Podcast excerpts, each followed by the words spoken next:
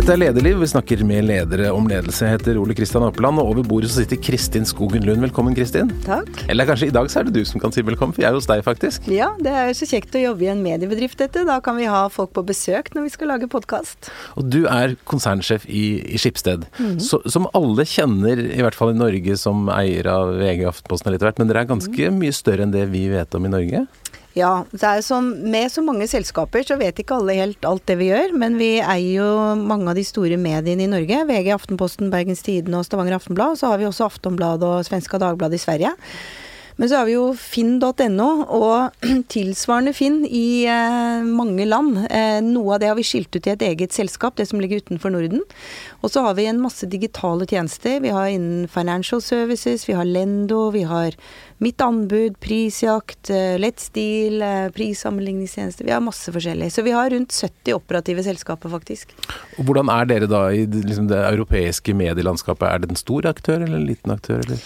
Nei, vi er, vi er, jo klart størst i Norden, og vi eh, er nok, regnes jo som en ledende europeisk aktør. Og når det gjelder dette classified-markedet, som det heter, som Finn markedsplasser kanskje på norsk, da, som Finn er en del av, så omtales vi sågar innimellom som en global aktør. Så det er jo en sånn fire-fem store, og vi er definitivt en av dem. Du er jo en av de mest kjente sånn kvinnelige norske næringslivsledere. Du har vært eh, leder i over 20 år i masse forskjellige bedrifter, bl.a. i Skipsted, og du har vært eh, NHO-direktør og litt av hvert. Eh, når ble du leder første gang? Var liksom, var du, har du vært leder fra barnehagen? Ja, jeg har egentlig det. Altså, jeg organiserte alle unga i, i, gata og arrangerte skole og var alltid liksom elevrådsformann og Jeg vet ikke helt, det. Det bare har nok alltid vært litt sånn. Er du Arvelig belastet? Ja, vet ikke. Ja, i hvert fall litt sånn mye initiativ, kanskje. Mm. Hva er det som gjør at du alltid har ønsket å ta ansvar? Jeg er ikke helt uh, sikker på det, men jeg vil mye, uh, tror jeg. Og så har jeg jo hatt en jeg har vært heldig med oppveksten min i den forstand at jeg har hatt familie og, og søsken rundt meg som jeg var veldig attpåklatt, og liksom alltid fått høre at, du, at de har liksom trodd på meg, det her får du til, istedenfor den derre nå må du være litt forsiktig, kanskje du tar på deg litt mye-aktig. Jeg har liksom alltid fått det lille dyttet man innimellom trenger, da. Jeg tror, jeg tror det var storesøsteren som alltid ble sjef, men er, så, du er lillesøsteren du også som er organisert. Ja, jeg de er sjefer alle de andre òg, faktisk, i familien. Men, uh, så det ligger kanskje litt i genene eller et eller annet der. Men uh, ja, jeg har iallfall fått med meg den derre tryggheten, tror jeg. Eller det derre stå på, eh, tørre å ha det pågangsmotet-aktig. Det tror jeg kom hjemmefra. Når var du første gang følte at du skulle bli en næringslivsleder? Ja, vet du hva, Det tok litt tid, og hadde du sagt det til meg i ungdommen, så hadde jeg liksom bare ristet på hodet. Hadde du faktisk sagt det ganske langt opp i 20-årene, hvordan det skulle gå, så hadde jeg ikke Da hadde jeg bare ledd av det. Så det, det, hadde jeg nok ikke klart for meg. Jeg hadde et ønske om å bli professor, for jeg har alltid vært veldig glad i å formidle og snakke og forklare og holde foredrag og liksom Jeg liker det. Eh, eh, det jeg ikke skjønte da, var at å være professor betyr at du må forske ganske mye. Og jeg har veldig kort sånn konsentrasjonsspann. Det varer ca. ti minutter, så, så, det hadde jeg ikke egnet meg til, faktisk. Hva ville du vært professor i, tror du? Så ja, det vet jeg ikke om var like klart. Da jeg var yngre, så var jeg nok veldig sånn Da var jeg opptatt av astronomi og fysikk, og jeg var en sånn ordentlig nerdeunge. Og så vridde jeg mer mot samfunnsfag eh, da jeg ble litt eldre. Endte med å studere mer innen den retningen. Så det spennet var ganske stort, det også. Første ordentlige lederjobben din, hva var det? Eh, det var eh, den, sånn jobbjobb, -jobb, så var det vel da jeg Ja, jeg var jo for så vidt sånn europeisk produktsjef i Unilever, men da hadde jeg ikke noe særlig ansatte, et par stykker bare. Men eh, da jeg begynte i Coca-Cola, da skjøt det fort fart. Da hadde jeg først bare to ansatte, men etter halvannet år da så hadde jeg 150-60 ansatte. Så det var liksom der kanskje den lederbiten skjøt fart, da. Mm. Hadde du da noen forbilder, noen du så opp til og tenkte at du skulle være som, som leder? Ja, jeg har vel hatt mine kanskje idealer. Eh, ikke sant? Jeg hadde vært med pappa på jobben. Jeg så at han, Det jeg så med han, var at han var, en, han var direktør for et sånt dagligvare Angro-firma. Og hver eneste dag så var han rundt sant, på lager og i kaffepakkeri og snakket med alle de ansatte. Og liksom la, han var nok en veldig sånn inkluderende nedpå-leder. Det ble jeg nok litt inspirert av. Og så har jeg nok hatt forbilder her og der. Og, og særlig i yngre år så hadde jeg nok et veldig ønske om å passe inn i en sånn stereotyp. Eh, så det tok eh, noen år før jeg skjønte at du må ikke prøve å være en stereotyp. Du må finne tryggheten i dine egne styrker, og så må du spille ut det. Og hvis du er annerledes, så er det bare bra. Men det tok ganske mange år før jeg ble så trygg på meg selv at jeg turte det. Mm. Etter at du var i Coca-Cola, så var det en lang runde din med, i, i Medietelekom, altså Aftenposten, og Scanpix og Eniro og Scandinavian Online og noen sånne navn som ikke finnes lenger, som vi husker og sånn. Eh, og så gikk du til eh, eh NHO, og så tilbake til Skipsted. Hvorfor ville du tilbake til Skipsted? Alle de selskapene fins faktisk. Ja, gjør det det? det var ikke det jeg sagt, men ok. Ja. Jeg tok ikke livet av dem heller. Hvorfor søkte du deg tilbake til Skipsted? Uh, ja, jeg, det høres kanskje litt blærete ut å si, du ble sikkert spurt. jeg søkte ikke akkurat. Men uh, nei, vet du hva, det hadde aldri streifet hodet mitt uh, så mye som en eneste gang at jeg skulle tilbake hit. men jeg fikk da den henvendelsen høsten 2018, og da var jeg NHO, og jeg trivdes veldig godt.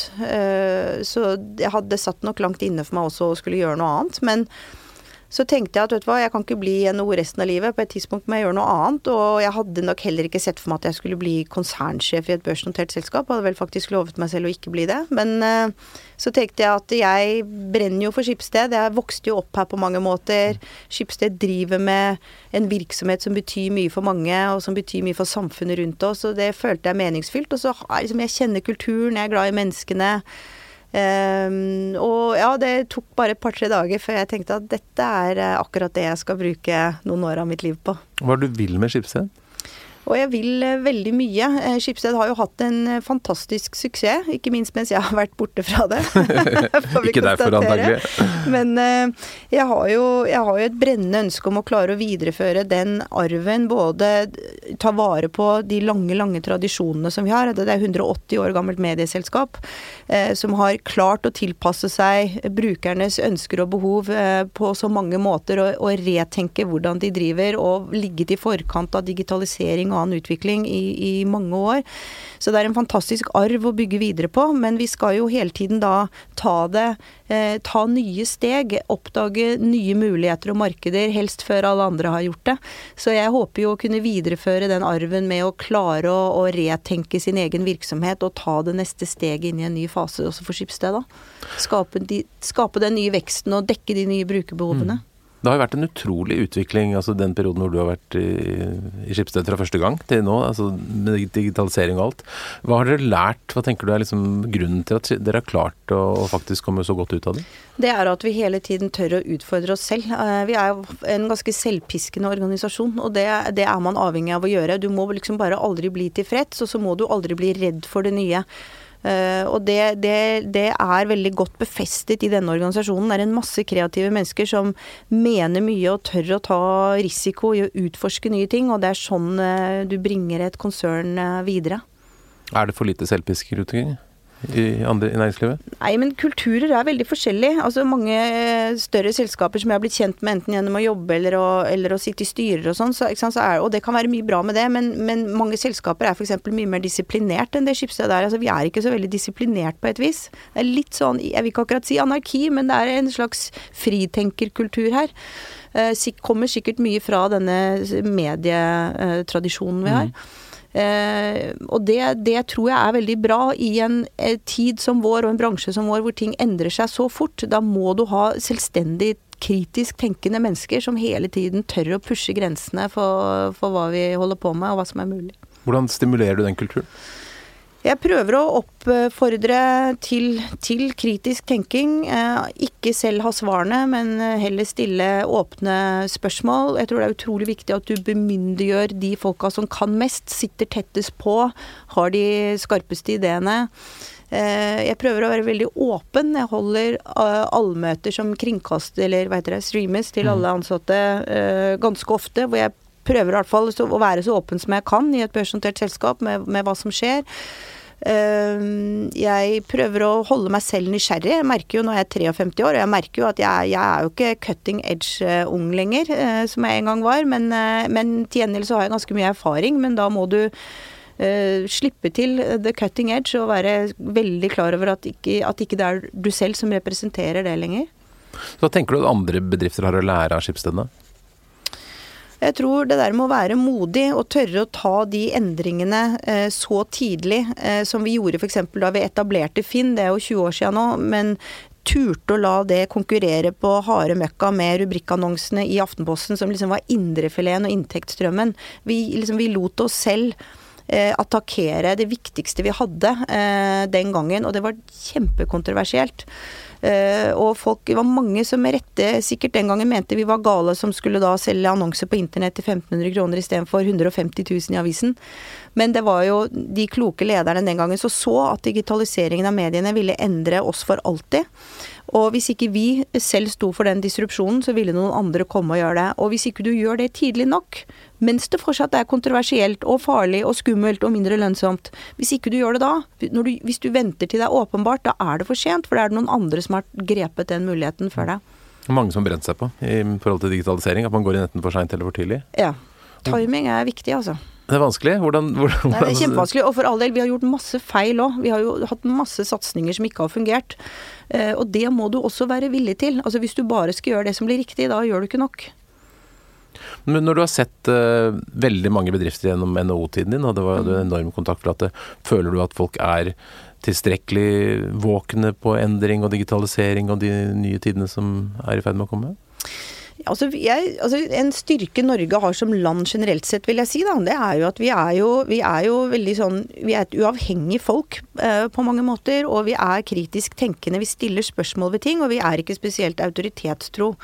Eh, vi har jo ikke sånne stramme hierarkier og alt dette her, ikke sant. Vi innordner oss ikke helt. Og det, er, det mener jeg er veldig bra for næringslivet den tiden vi lever i nå, at, at, vi tenker sånn. Og vi er også flinke til å bemyndiggjøre de som er tettest på. Altså Det er en grunn til at vi har, liksom, vi, har vi har sannsynligvis noen av de flinkeste fagarbeiderne i verden, og de opptrer som ingeniører de, når, de, når de er ute i bedriftene. ikke sant? De ser hva som er feil og hva som må gjøres, og så rekker de opp hånda og så gjør de noe med det. De, de bare står ikke der og ser at det er dårlig og bare adlyder en ordre. Uh, og den kulturen der, den skal vi ta veldig godt vare på, for det er ekstremt verdifullt. Så jeg må si fra min NHO-tid, jeg reiste rundt og traff Jeg var jo privilegert, jeg traff jo bare de flinke og vellykkede folka hele tiden, selvfølgelig, med bedrifter som får det til og sånn, men jeg traff altså så mange dyktige folk rundt i det ganske land. Og man blir også veldig ydmyk for hva folk får til på ganske små steder.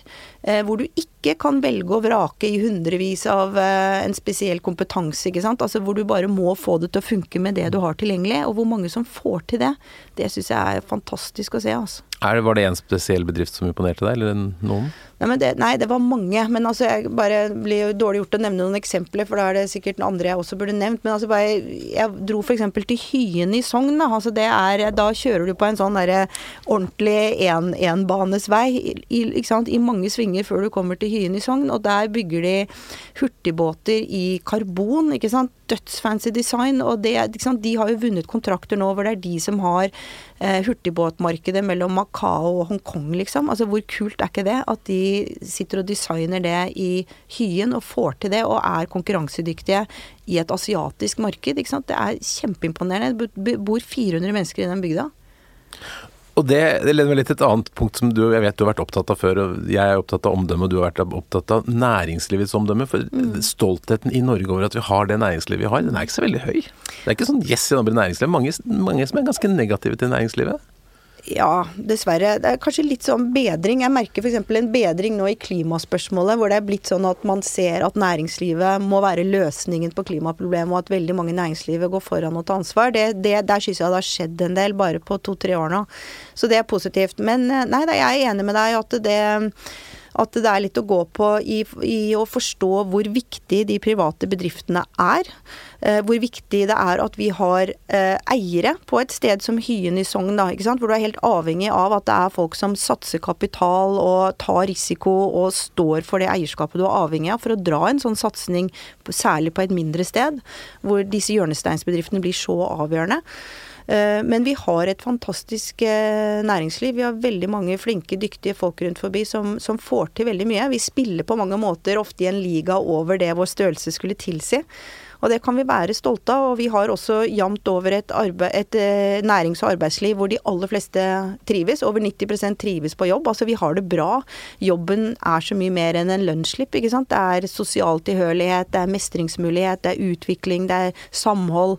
Det, det betyr så mye at vi har de trygge og gode arbeidsplassene rundt forbi. Og så er det jo det næringslivet faktisk gjør. Altså vi lager jo varer og tjenester og finner løsninger på samfunnsproblemer som vi er avhengig av alle sammen. Og med din da, erfaring også som internasjonal bedriftsleder og, eller for internasjonal virksomhet og, og, med den store flaten, hvor spesielt er egentlig det norske næringslivet sammenlignet med andre land? Er vi et litt sånn annerledes land i forholdet mellom særlig ledelse og ansatte?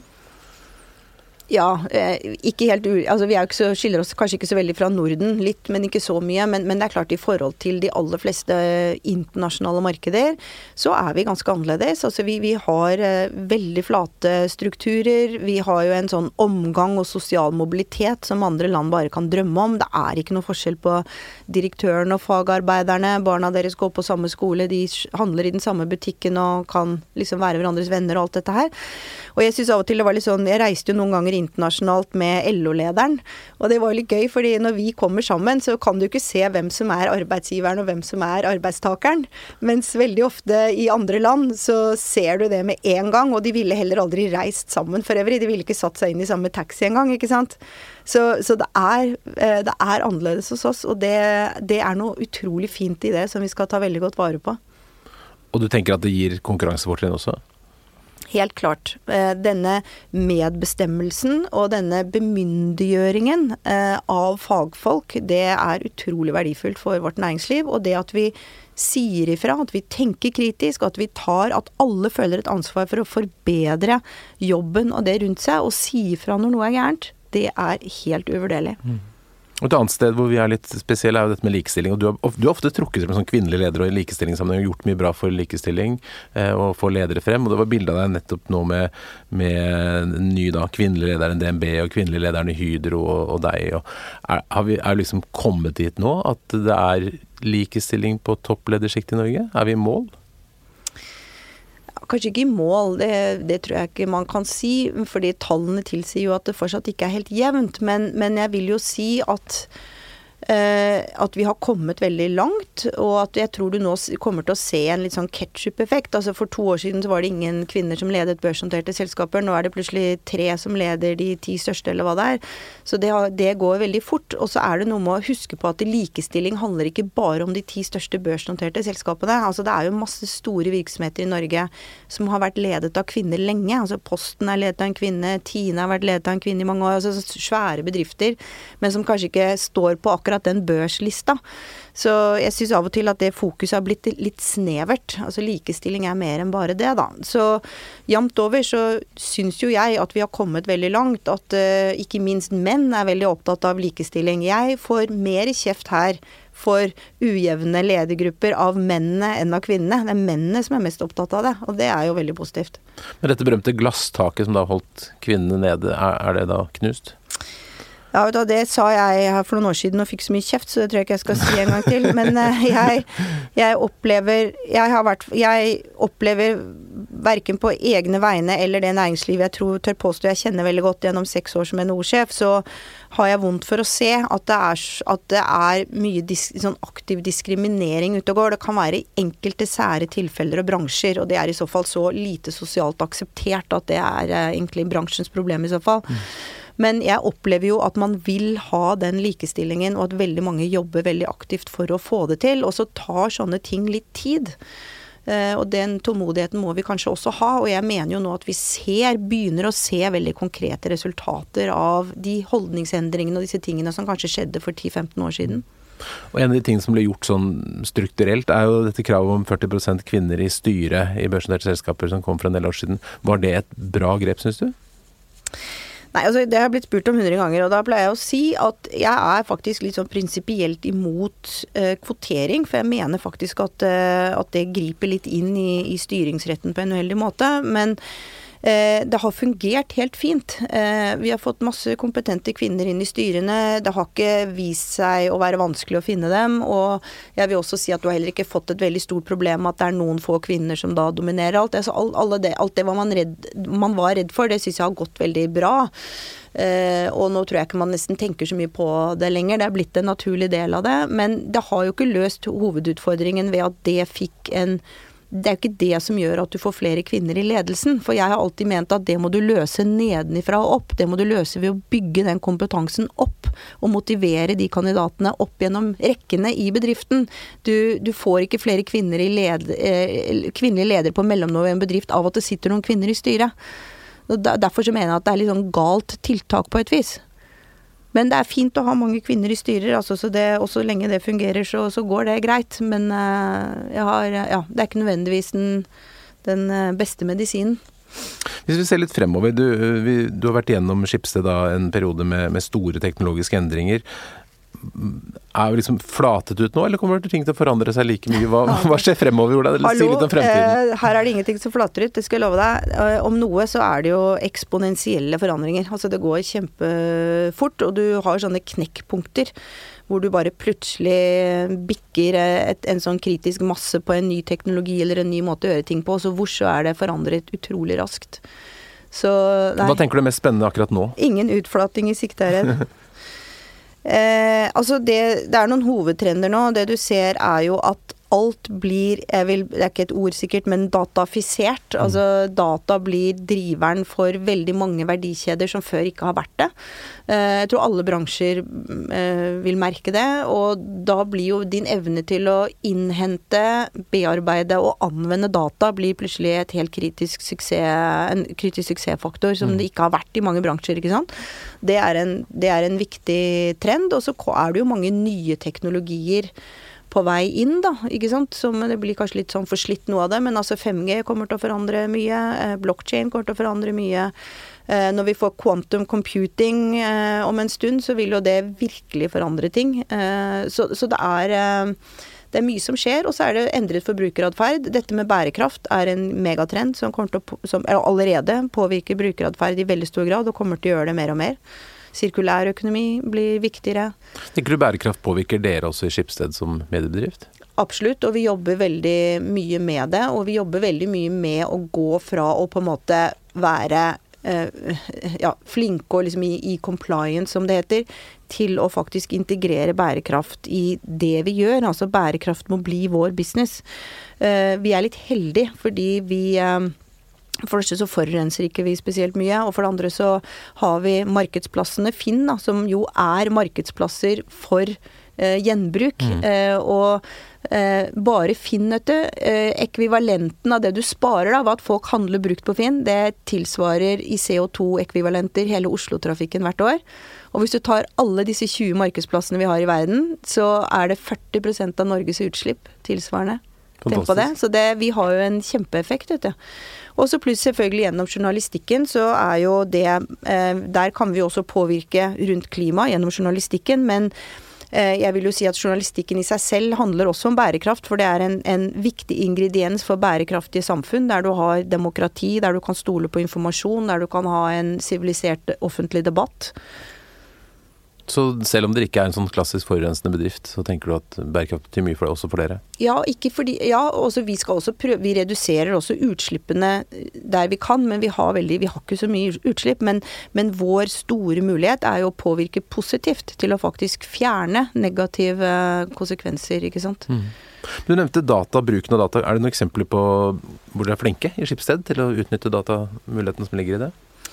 Ja, altså vi det, vi har, det, vi har, vært best på lenge, er jo dette med digitale annonser. Altså har vi, der har vi hatt ganske avanserte systemer og kjørt det på tvers av alle disse 70 operative selskapene. Riktignok innenfor hver geografi, da. Vi gjør det ikke på tvers av land, men men det, det, har vi gjort lenge. Men vi ser jo nå at vi må bli flinkere også til å bruke data for å eh, forbedre produktene våre. Forstå enda bedre brukeratferden, eh, hva som trigger folk. Vi eh, er jo blitt mye flinkere nå med Etter hvert som vi har digitale abonnement på mediene våre f.eks., så er vi jo flinkere til å forstå hvilke saker det er som konverterer folk til å bli villige til å kjøpe et abonnement. Det, det har vi, der har vi kommet langt.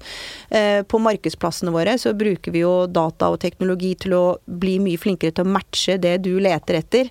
Eh, hvis du, vi bruker f.eks. nå sånn billedgjenkjennelsesteknologi, så hvis du søker på en sofa, så kan vi ganske lett eh, finne andre sofaer som ligner på den du er på utkikk etter. ikke sant? Det har ikke vært så lett før. Det har kunnet vært vanskelig med de gamle søkekriteriene å finne akkurat det du var ute etter. da.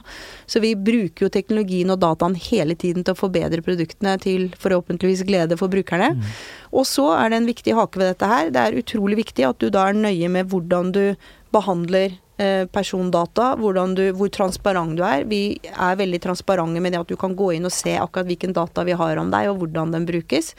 Og vi skal aldri, eh, aldri, aldri eh, bryte den tilliten. Vi selger ikke data, vi, altså du, vi, vi misbruker ikke dataen din. Vi gjør ikke noe annet enn å bruke den til å forbedre din egen brukeropplevelse. Men det som har skjedd på, på avissiden i det siste, er at nå er det blitt veldig mye betaling og betalingsmur og sånn. Det forstår jeg godt at dere vil ha. Men ligger det en fare der med at mange mennesker blir utelukket fra avisene ved at de ikke tar seg råd til å betale for å, å lese ting? Du kan si aviser tradisjonelt har jo alltid kostet noe. Det var jo ikke gratis å kjøpe papiravisen før heller. Uh, og en god del av stoffet ligger fortsatt uh, åpent. Uh, men det er Eh, det, altså Medieøkonomien eh, er, har jo og er fortsatt utfordrende i at det koster mye å drive god journalistikk. Eh, vi konkurrerer med noen globale giganter, Google og Facebook på den ene siden, og så har du også en allmennkringkaster som har 5-6 milliarder i, fra skattebetalerne i inntekter, som kan drive helt uten annonser og brukerbetaling. ikke sant? Og midt imellom det der så skal vi finne god grobunn for de kommersielle mediene. Så det, det er en utfordring. Eh, og vi er helt avhengig av å kunne ta betalt fra brukerne for innholdet. Heldigvis så er jo den betalingsviljen ganske stor, men vi er jo avhengig av å hele tiden bringe ny verdi til brukerne for å opprettholde den betalingsviljen. Det jobber vi jo med døgnet rundt her. Mm. Men har, føler du at den øker? Folk blir mer aksepterer at man skal betale? Ja, altså man, man, det er, Folk skjønner at ikke du har eh, hele Aftenposten eh, tilgjengelig gratis på nettet, liksom, og at ikke det skal koste noe. Det, det opplever jeg at det er en forståelse for. Men det vi må bli flinkere til, A, selvfølgelig hele tiden levere verdi og det brukerne vil ha, men vi må også bli flinkere til å ha ulike tilbud. For du har kanskje en stor betalingsvilje for noe, men kanskje ikke for noe annet. Kanskje er du villig til å betale mye for sport, men ikke for utenriksstoff, og andre har det motsatt. Så vi må også bli flinkere til å sy sammen produktene på en, en god måte. Og der kommer igjen dette med dataanvendelse inn, ikke sant. Jo flinkere vi blir til å forstå det, jo bedre kan vi tilpasse tilbud og etterspørsel, da. Da du kom tilbake til Skipsted eh, som eh, leder, hadde du en klar tanke om hvordan du skulle være, hvordan du ville bli oppfattet som leder i organisasjonen?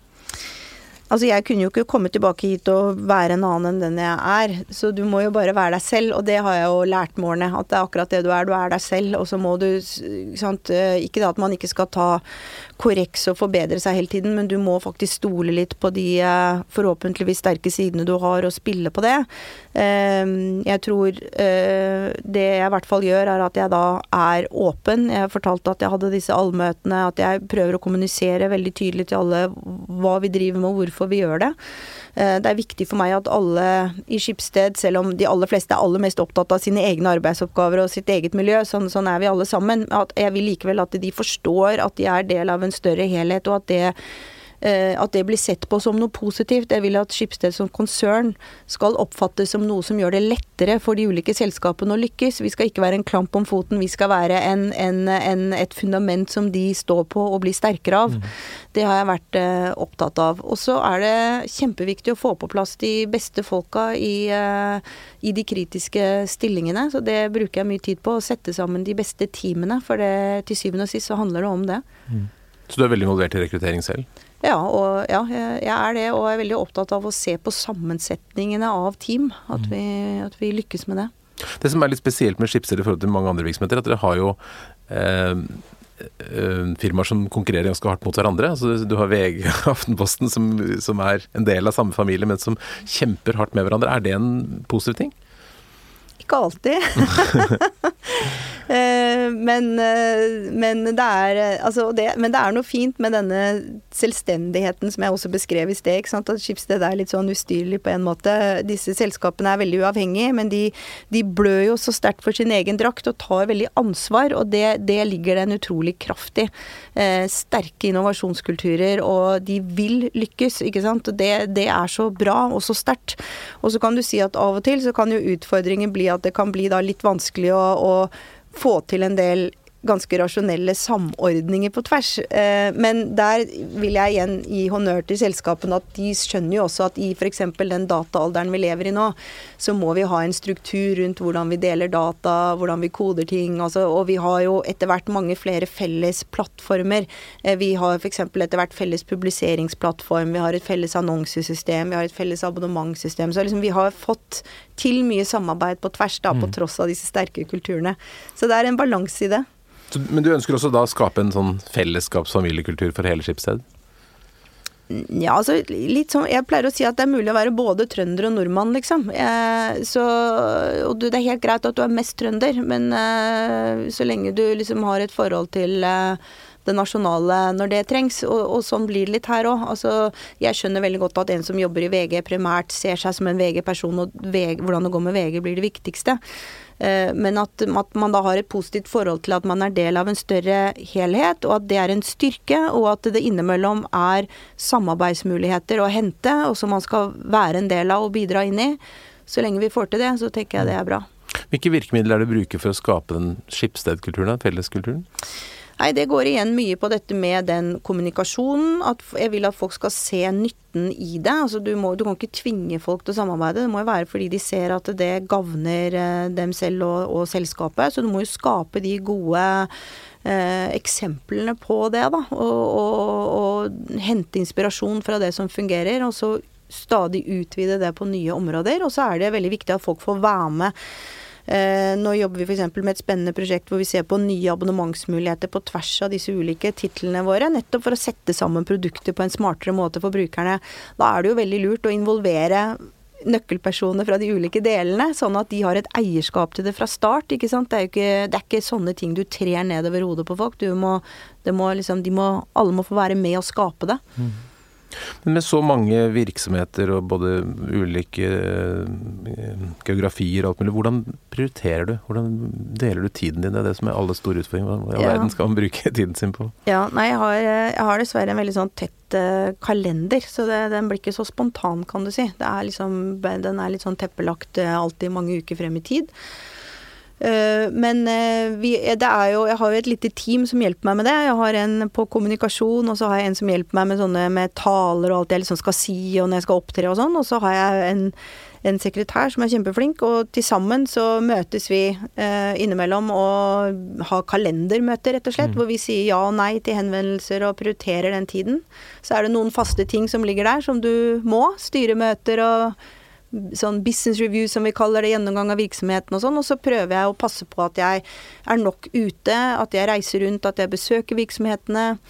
Eh, men det er mye annet du må gjøre. Du må forholde deg til investorer, du skal av og til snakke på konferanser. ikke sant? Så, så det er en del Det er litt, både litt utenriksminister og innenriksminister. En blanding av det, kanskje. Blir fort en litt sånn utilstrekkelighetsfølelse, gjør det ikke det? Du, eller føler du at du rekker alt? Ja, det gjør man aldri, men jeg er blitt litt for gammel til det. Altså Man gjør det man gjør, og så får du være veldig til stede i det du gjør, og gjøre det bra. Og så er det lite nyttig å tenke på alt det du ikke får gjort. Så Hva er du mest stolt av å ha fått til? Oh, det er et vanskelig spørsmål. Jeg tror kanskje det som det som betyr mest for meg, er jo hvis jeg har kunnet bety noe for andre. Så jeg, liksom, hvis jeg bare det som kanskje kan glede meg aller mest, er hvis jeg får en mail av en som jobbet i Aftenposten på midten av 2000-tallet og sa at vet du hva, du sa en gang til meg at, og så endte det med at, og så liksom Altså sånne ting. At jeg Hvis jeg har gitt noen troa, eller ja, eh, kunnet bety noe for deres utvikling, da. Det er kanskje det som gleder meg aller mest når jeg får eh, sånne meldinger, egentlig. Mm. Jeg er veldig sånn litt sånn menneskeorientert, så jeg burde kanskje ikke si dette høyt som leder for et børsnotert selskap, men det betyr nok mer for meg hva folk føler, enn akkurat hvilke tall som står i de ulike kolonnene i regnskapet. Er du veldig annerledes nå enn da du startet som leder? Jeg er mye tryggere og roligere. Heldigvis. Hvis det kommer en, en, ung person til deg og sier 'jeg vil gjerne bli leder', Kristin, jeg vil bli sånn som deg. Hva, hva, er de tre viktigste rådene du vil gi for hvordan blir man en god leder? Ja, for det første så må du ikke prøve å bli som meg, for du må jo bli deg selv. Det er jo kanskje det første rådet. Eh, du må, du må finne ut hva som er dine egne styrker, og så må du tørre å spille på det. Vi blir så mye bedre av å gjøre litt mer av det vi allerede er gode på, enn å fokusere på våre shortcomings, da. Eh, så det tror jeg er viktig. Og så er det veldig viktig at du faktisk vil noe, og at du, sant, at du gløder og ivrer for det du driver med. For hvis du gjør det, så blir du som oftest god. Eh, så finn det du er opptatt av og det du brenner for, og så, og så liksom hengi deg til det. Det ville kanskje vært mitt andre råd. Og mitt tredje råd ville være at du må eh, og, med det nummer to så går det at du må faktisk ha en ambisjon i ting. Altså du kommer liksom ikke unna fra å Du må faktisk gjøre en god jobb i alt du gjør hele tiden, selvfølgelig. Eh, men treeren så tror jeg kanskje jeg ville sagt det at du skal være Du skal behandle alle folk skikkelig hele veien. Og alle folk. Du skal liksom ikke prøve å være smart og holde deg inne med noen og ikke andre og sånn. For at det der Du aner ikke hvordan ting utvikler seg, hvem som plutselig blir viktig for deg. Og det der å rett og slett være en som folk vil at skal lykkes, fordi du behandler alle folk skikkelig hele tida. Det tror jeg er uh, veldig viktig, kanskje særlig i et samfunn som vårt. Det var en veldig fin avslutning. Kristin Skogen Lund, tusen takk for at du kom til Lederliv. Takk. Lederliv er en podkast fra Apeland. Redaksjonen består av Ellen Paulsen, Lars Jarle Melum, Lars Volden og meg, som heter Ole Kristian Apeland. Hvis du vil høre mer, så trykk abonner. Da får du varsel når det kommer nye episoder. Og hvis du har noen tips, så send en e-post til tips.lederliv eller til meg, ole.apeland.no. Takk for at du lytter.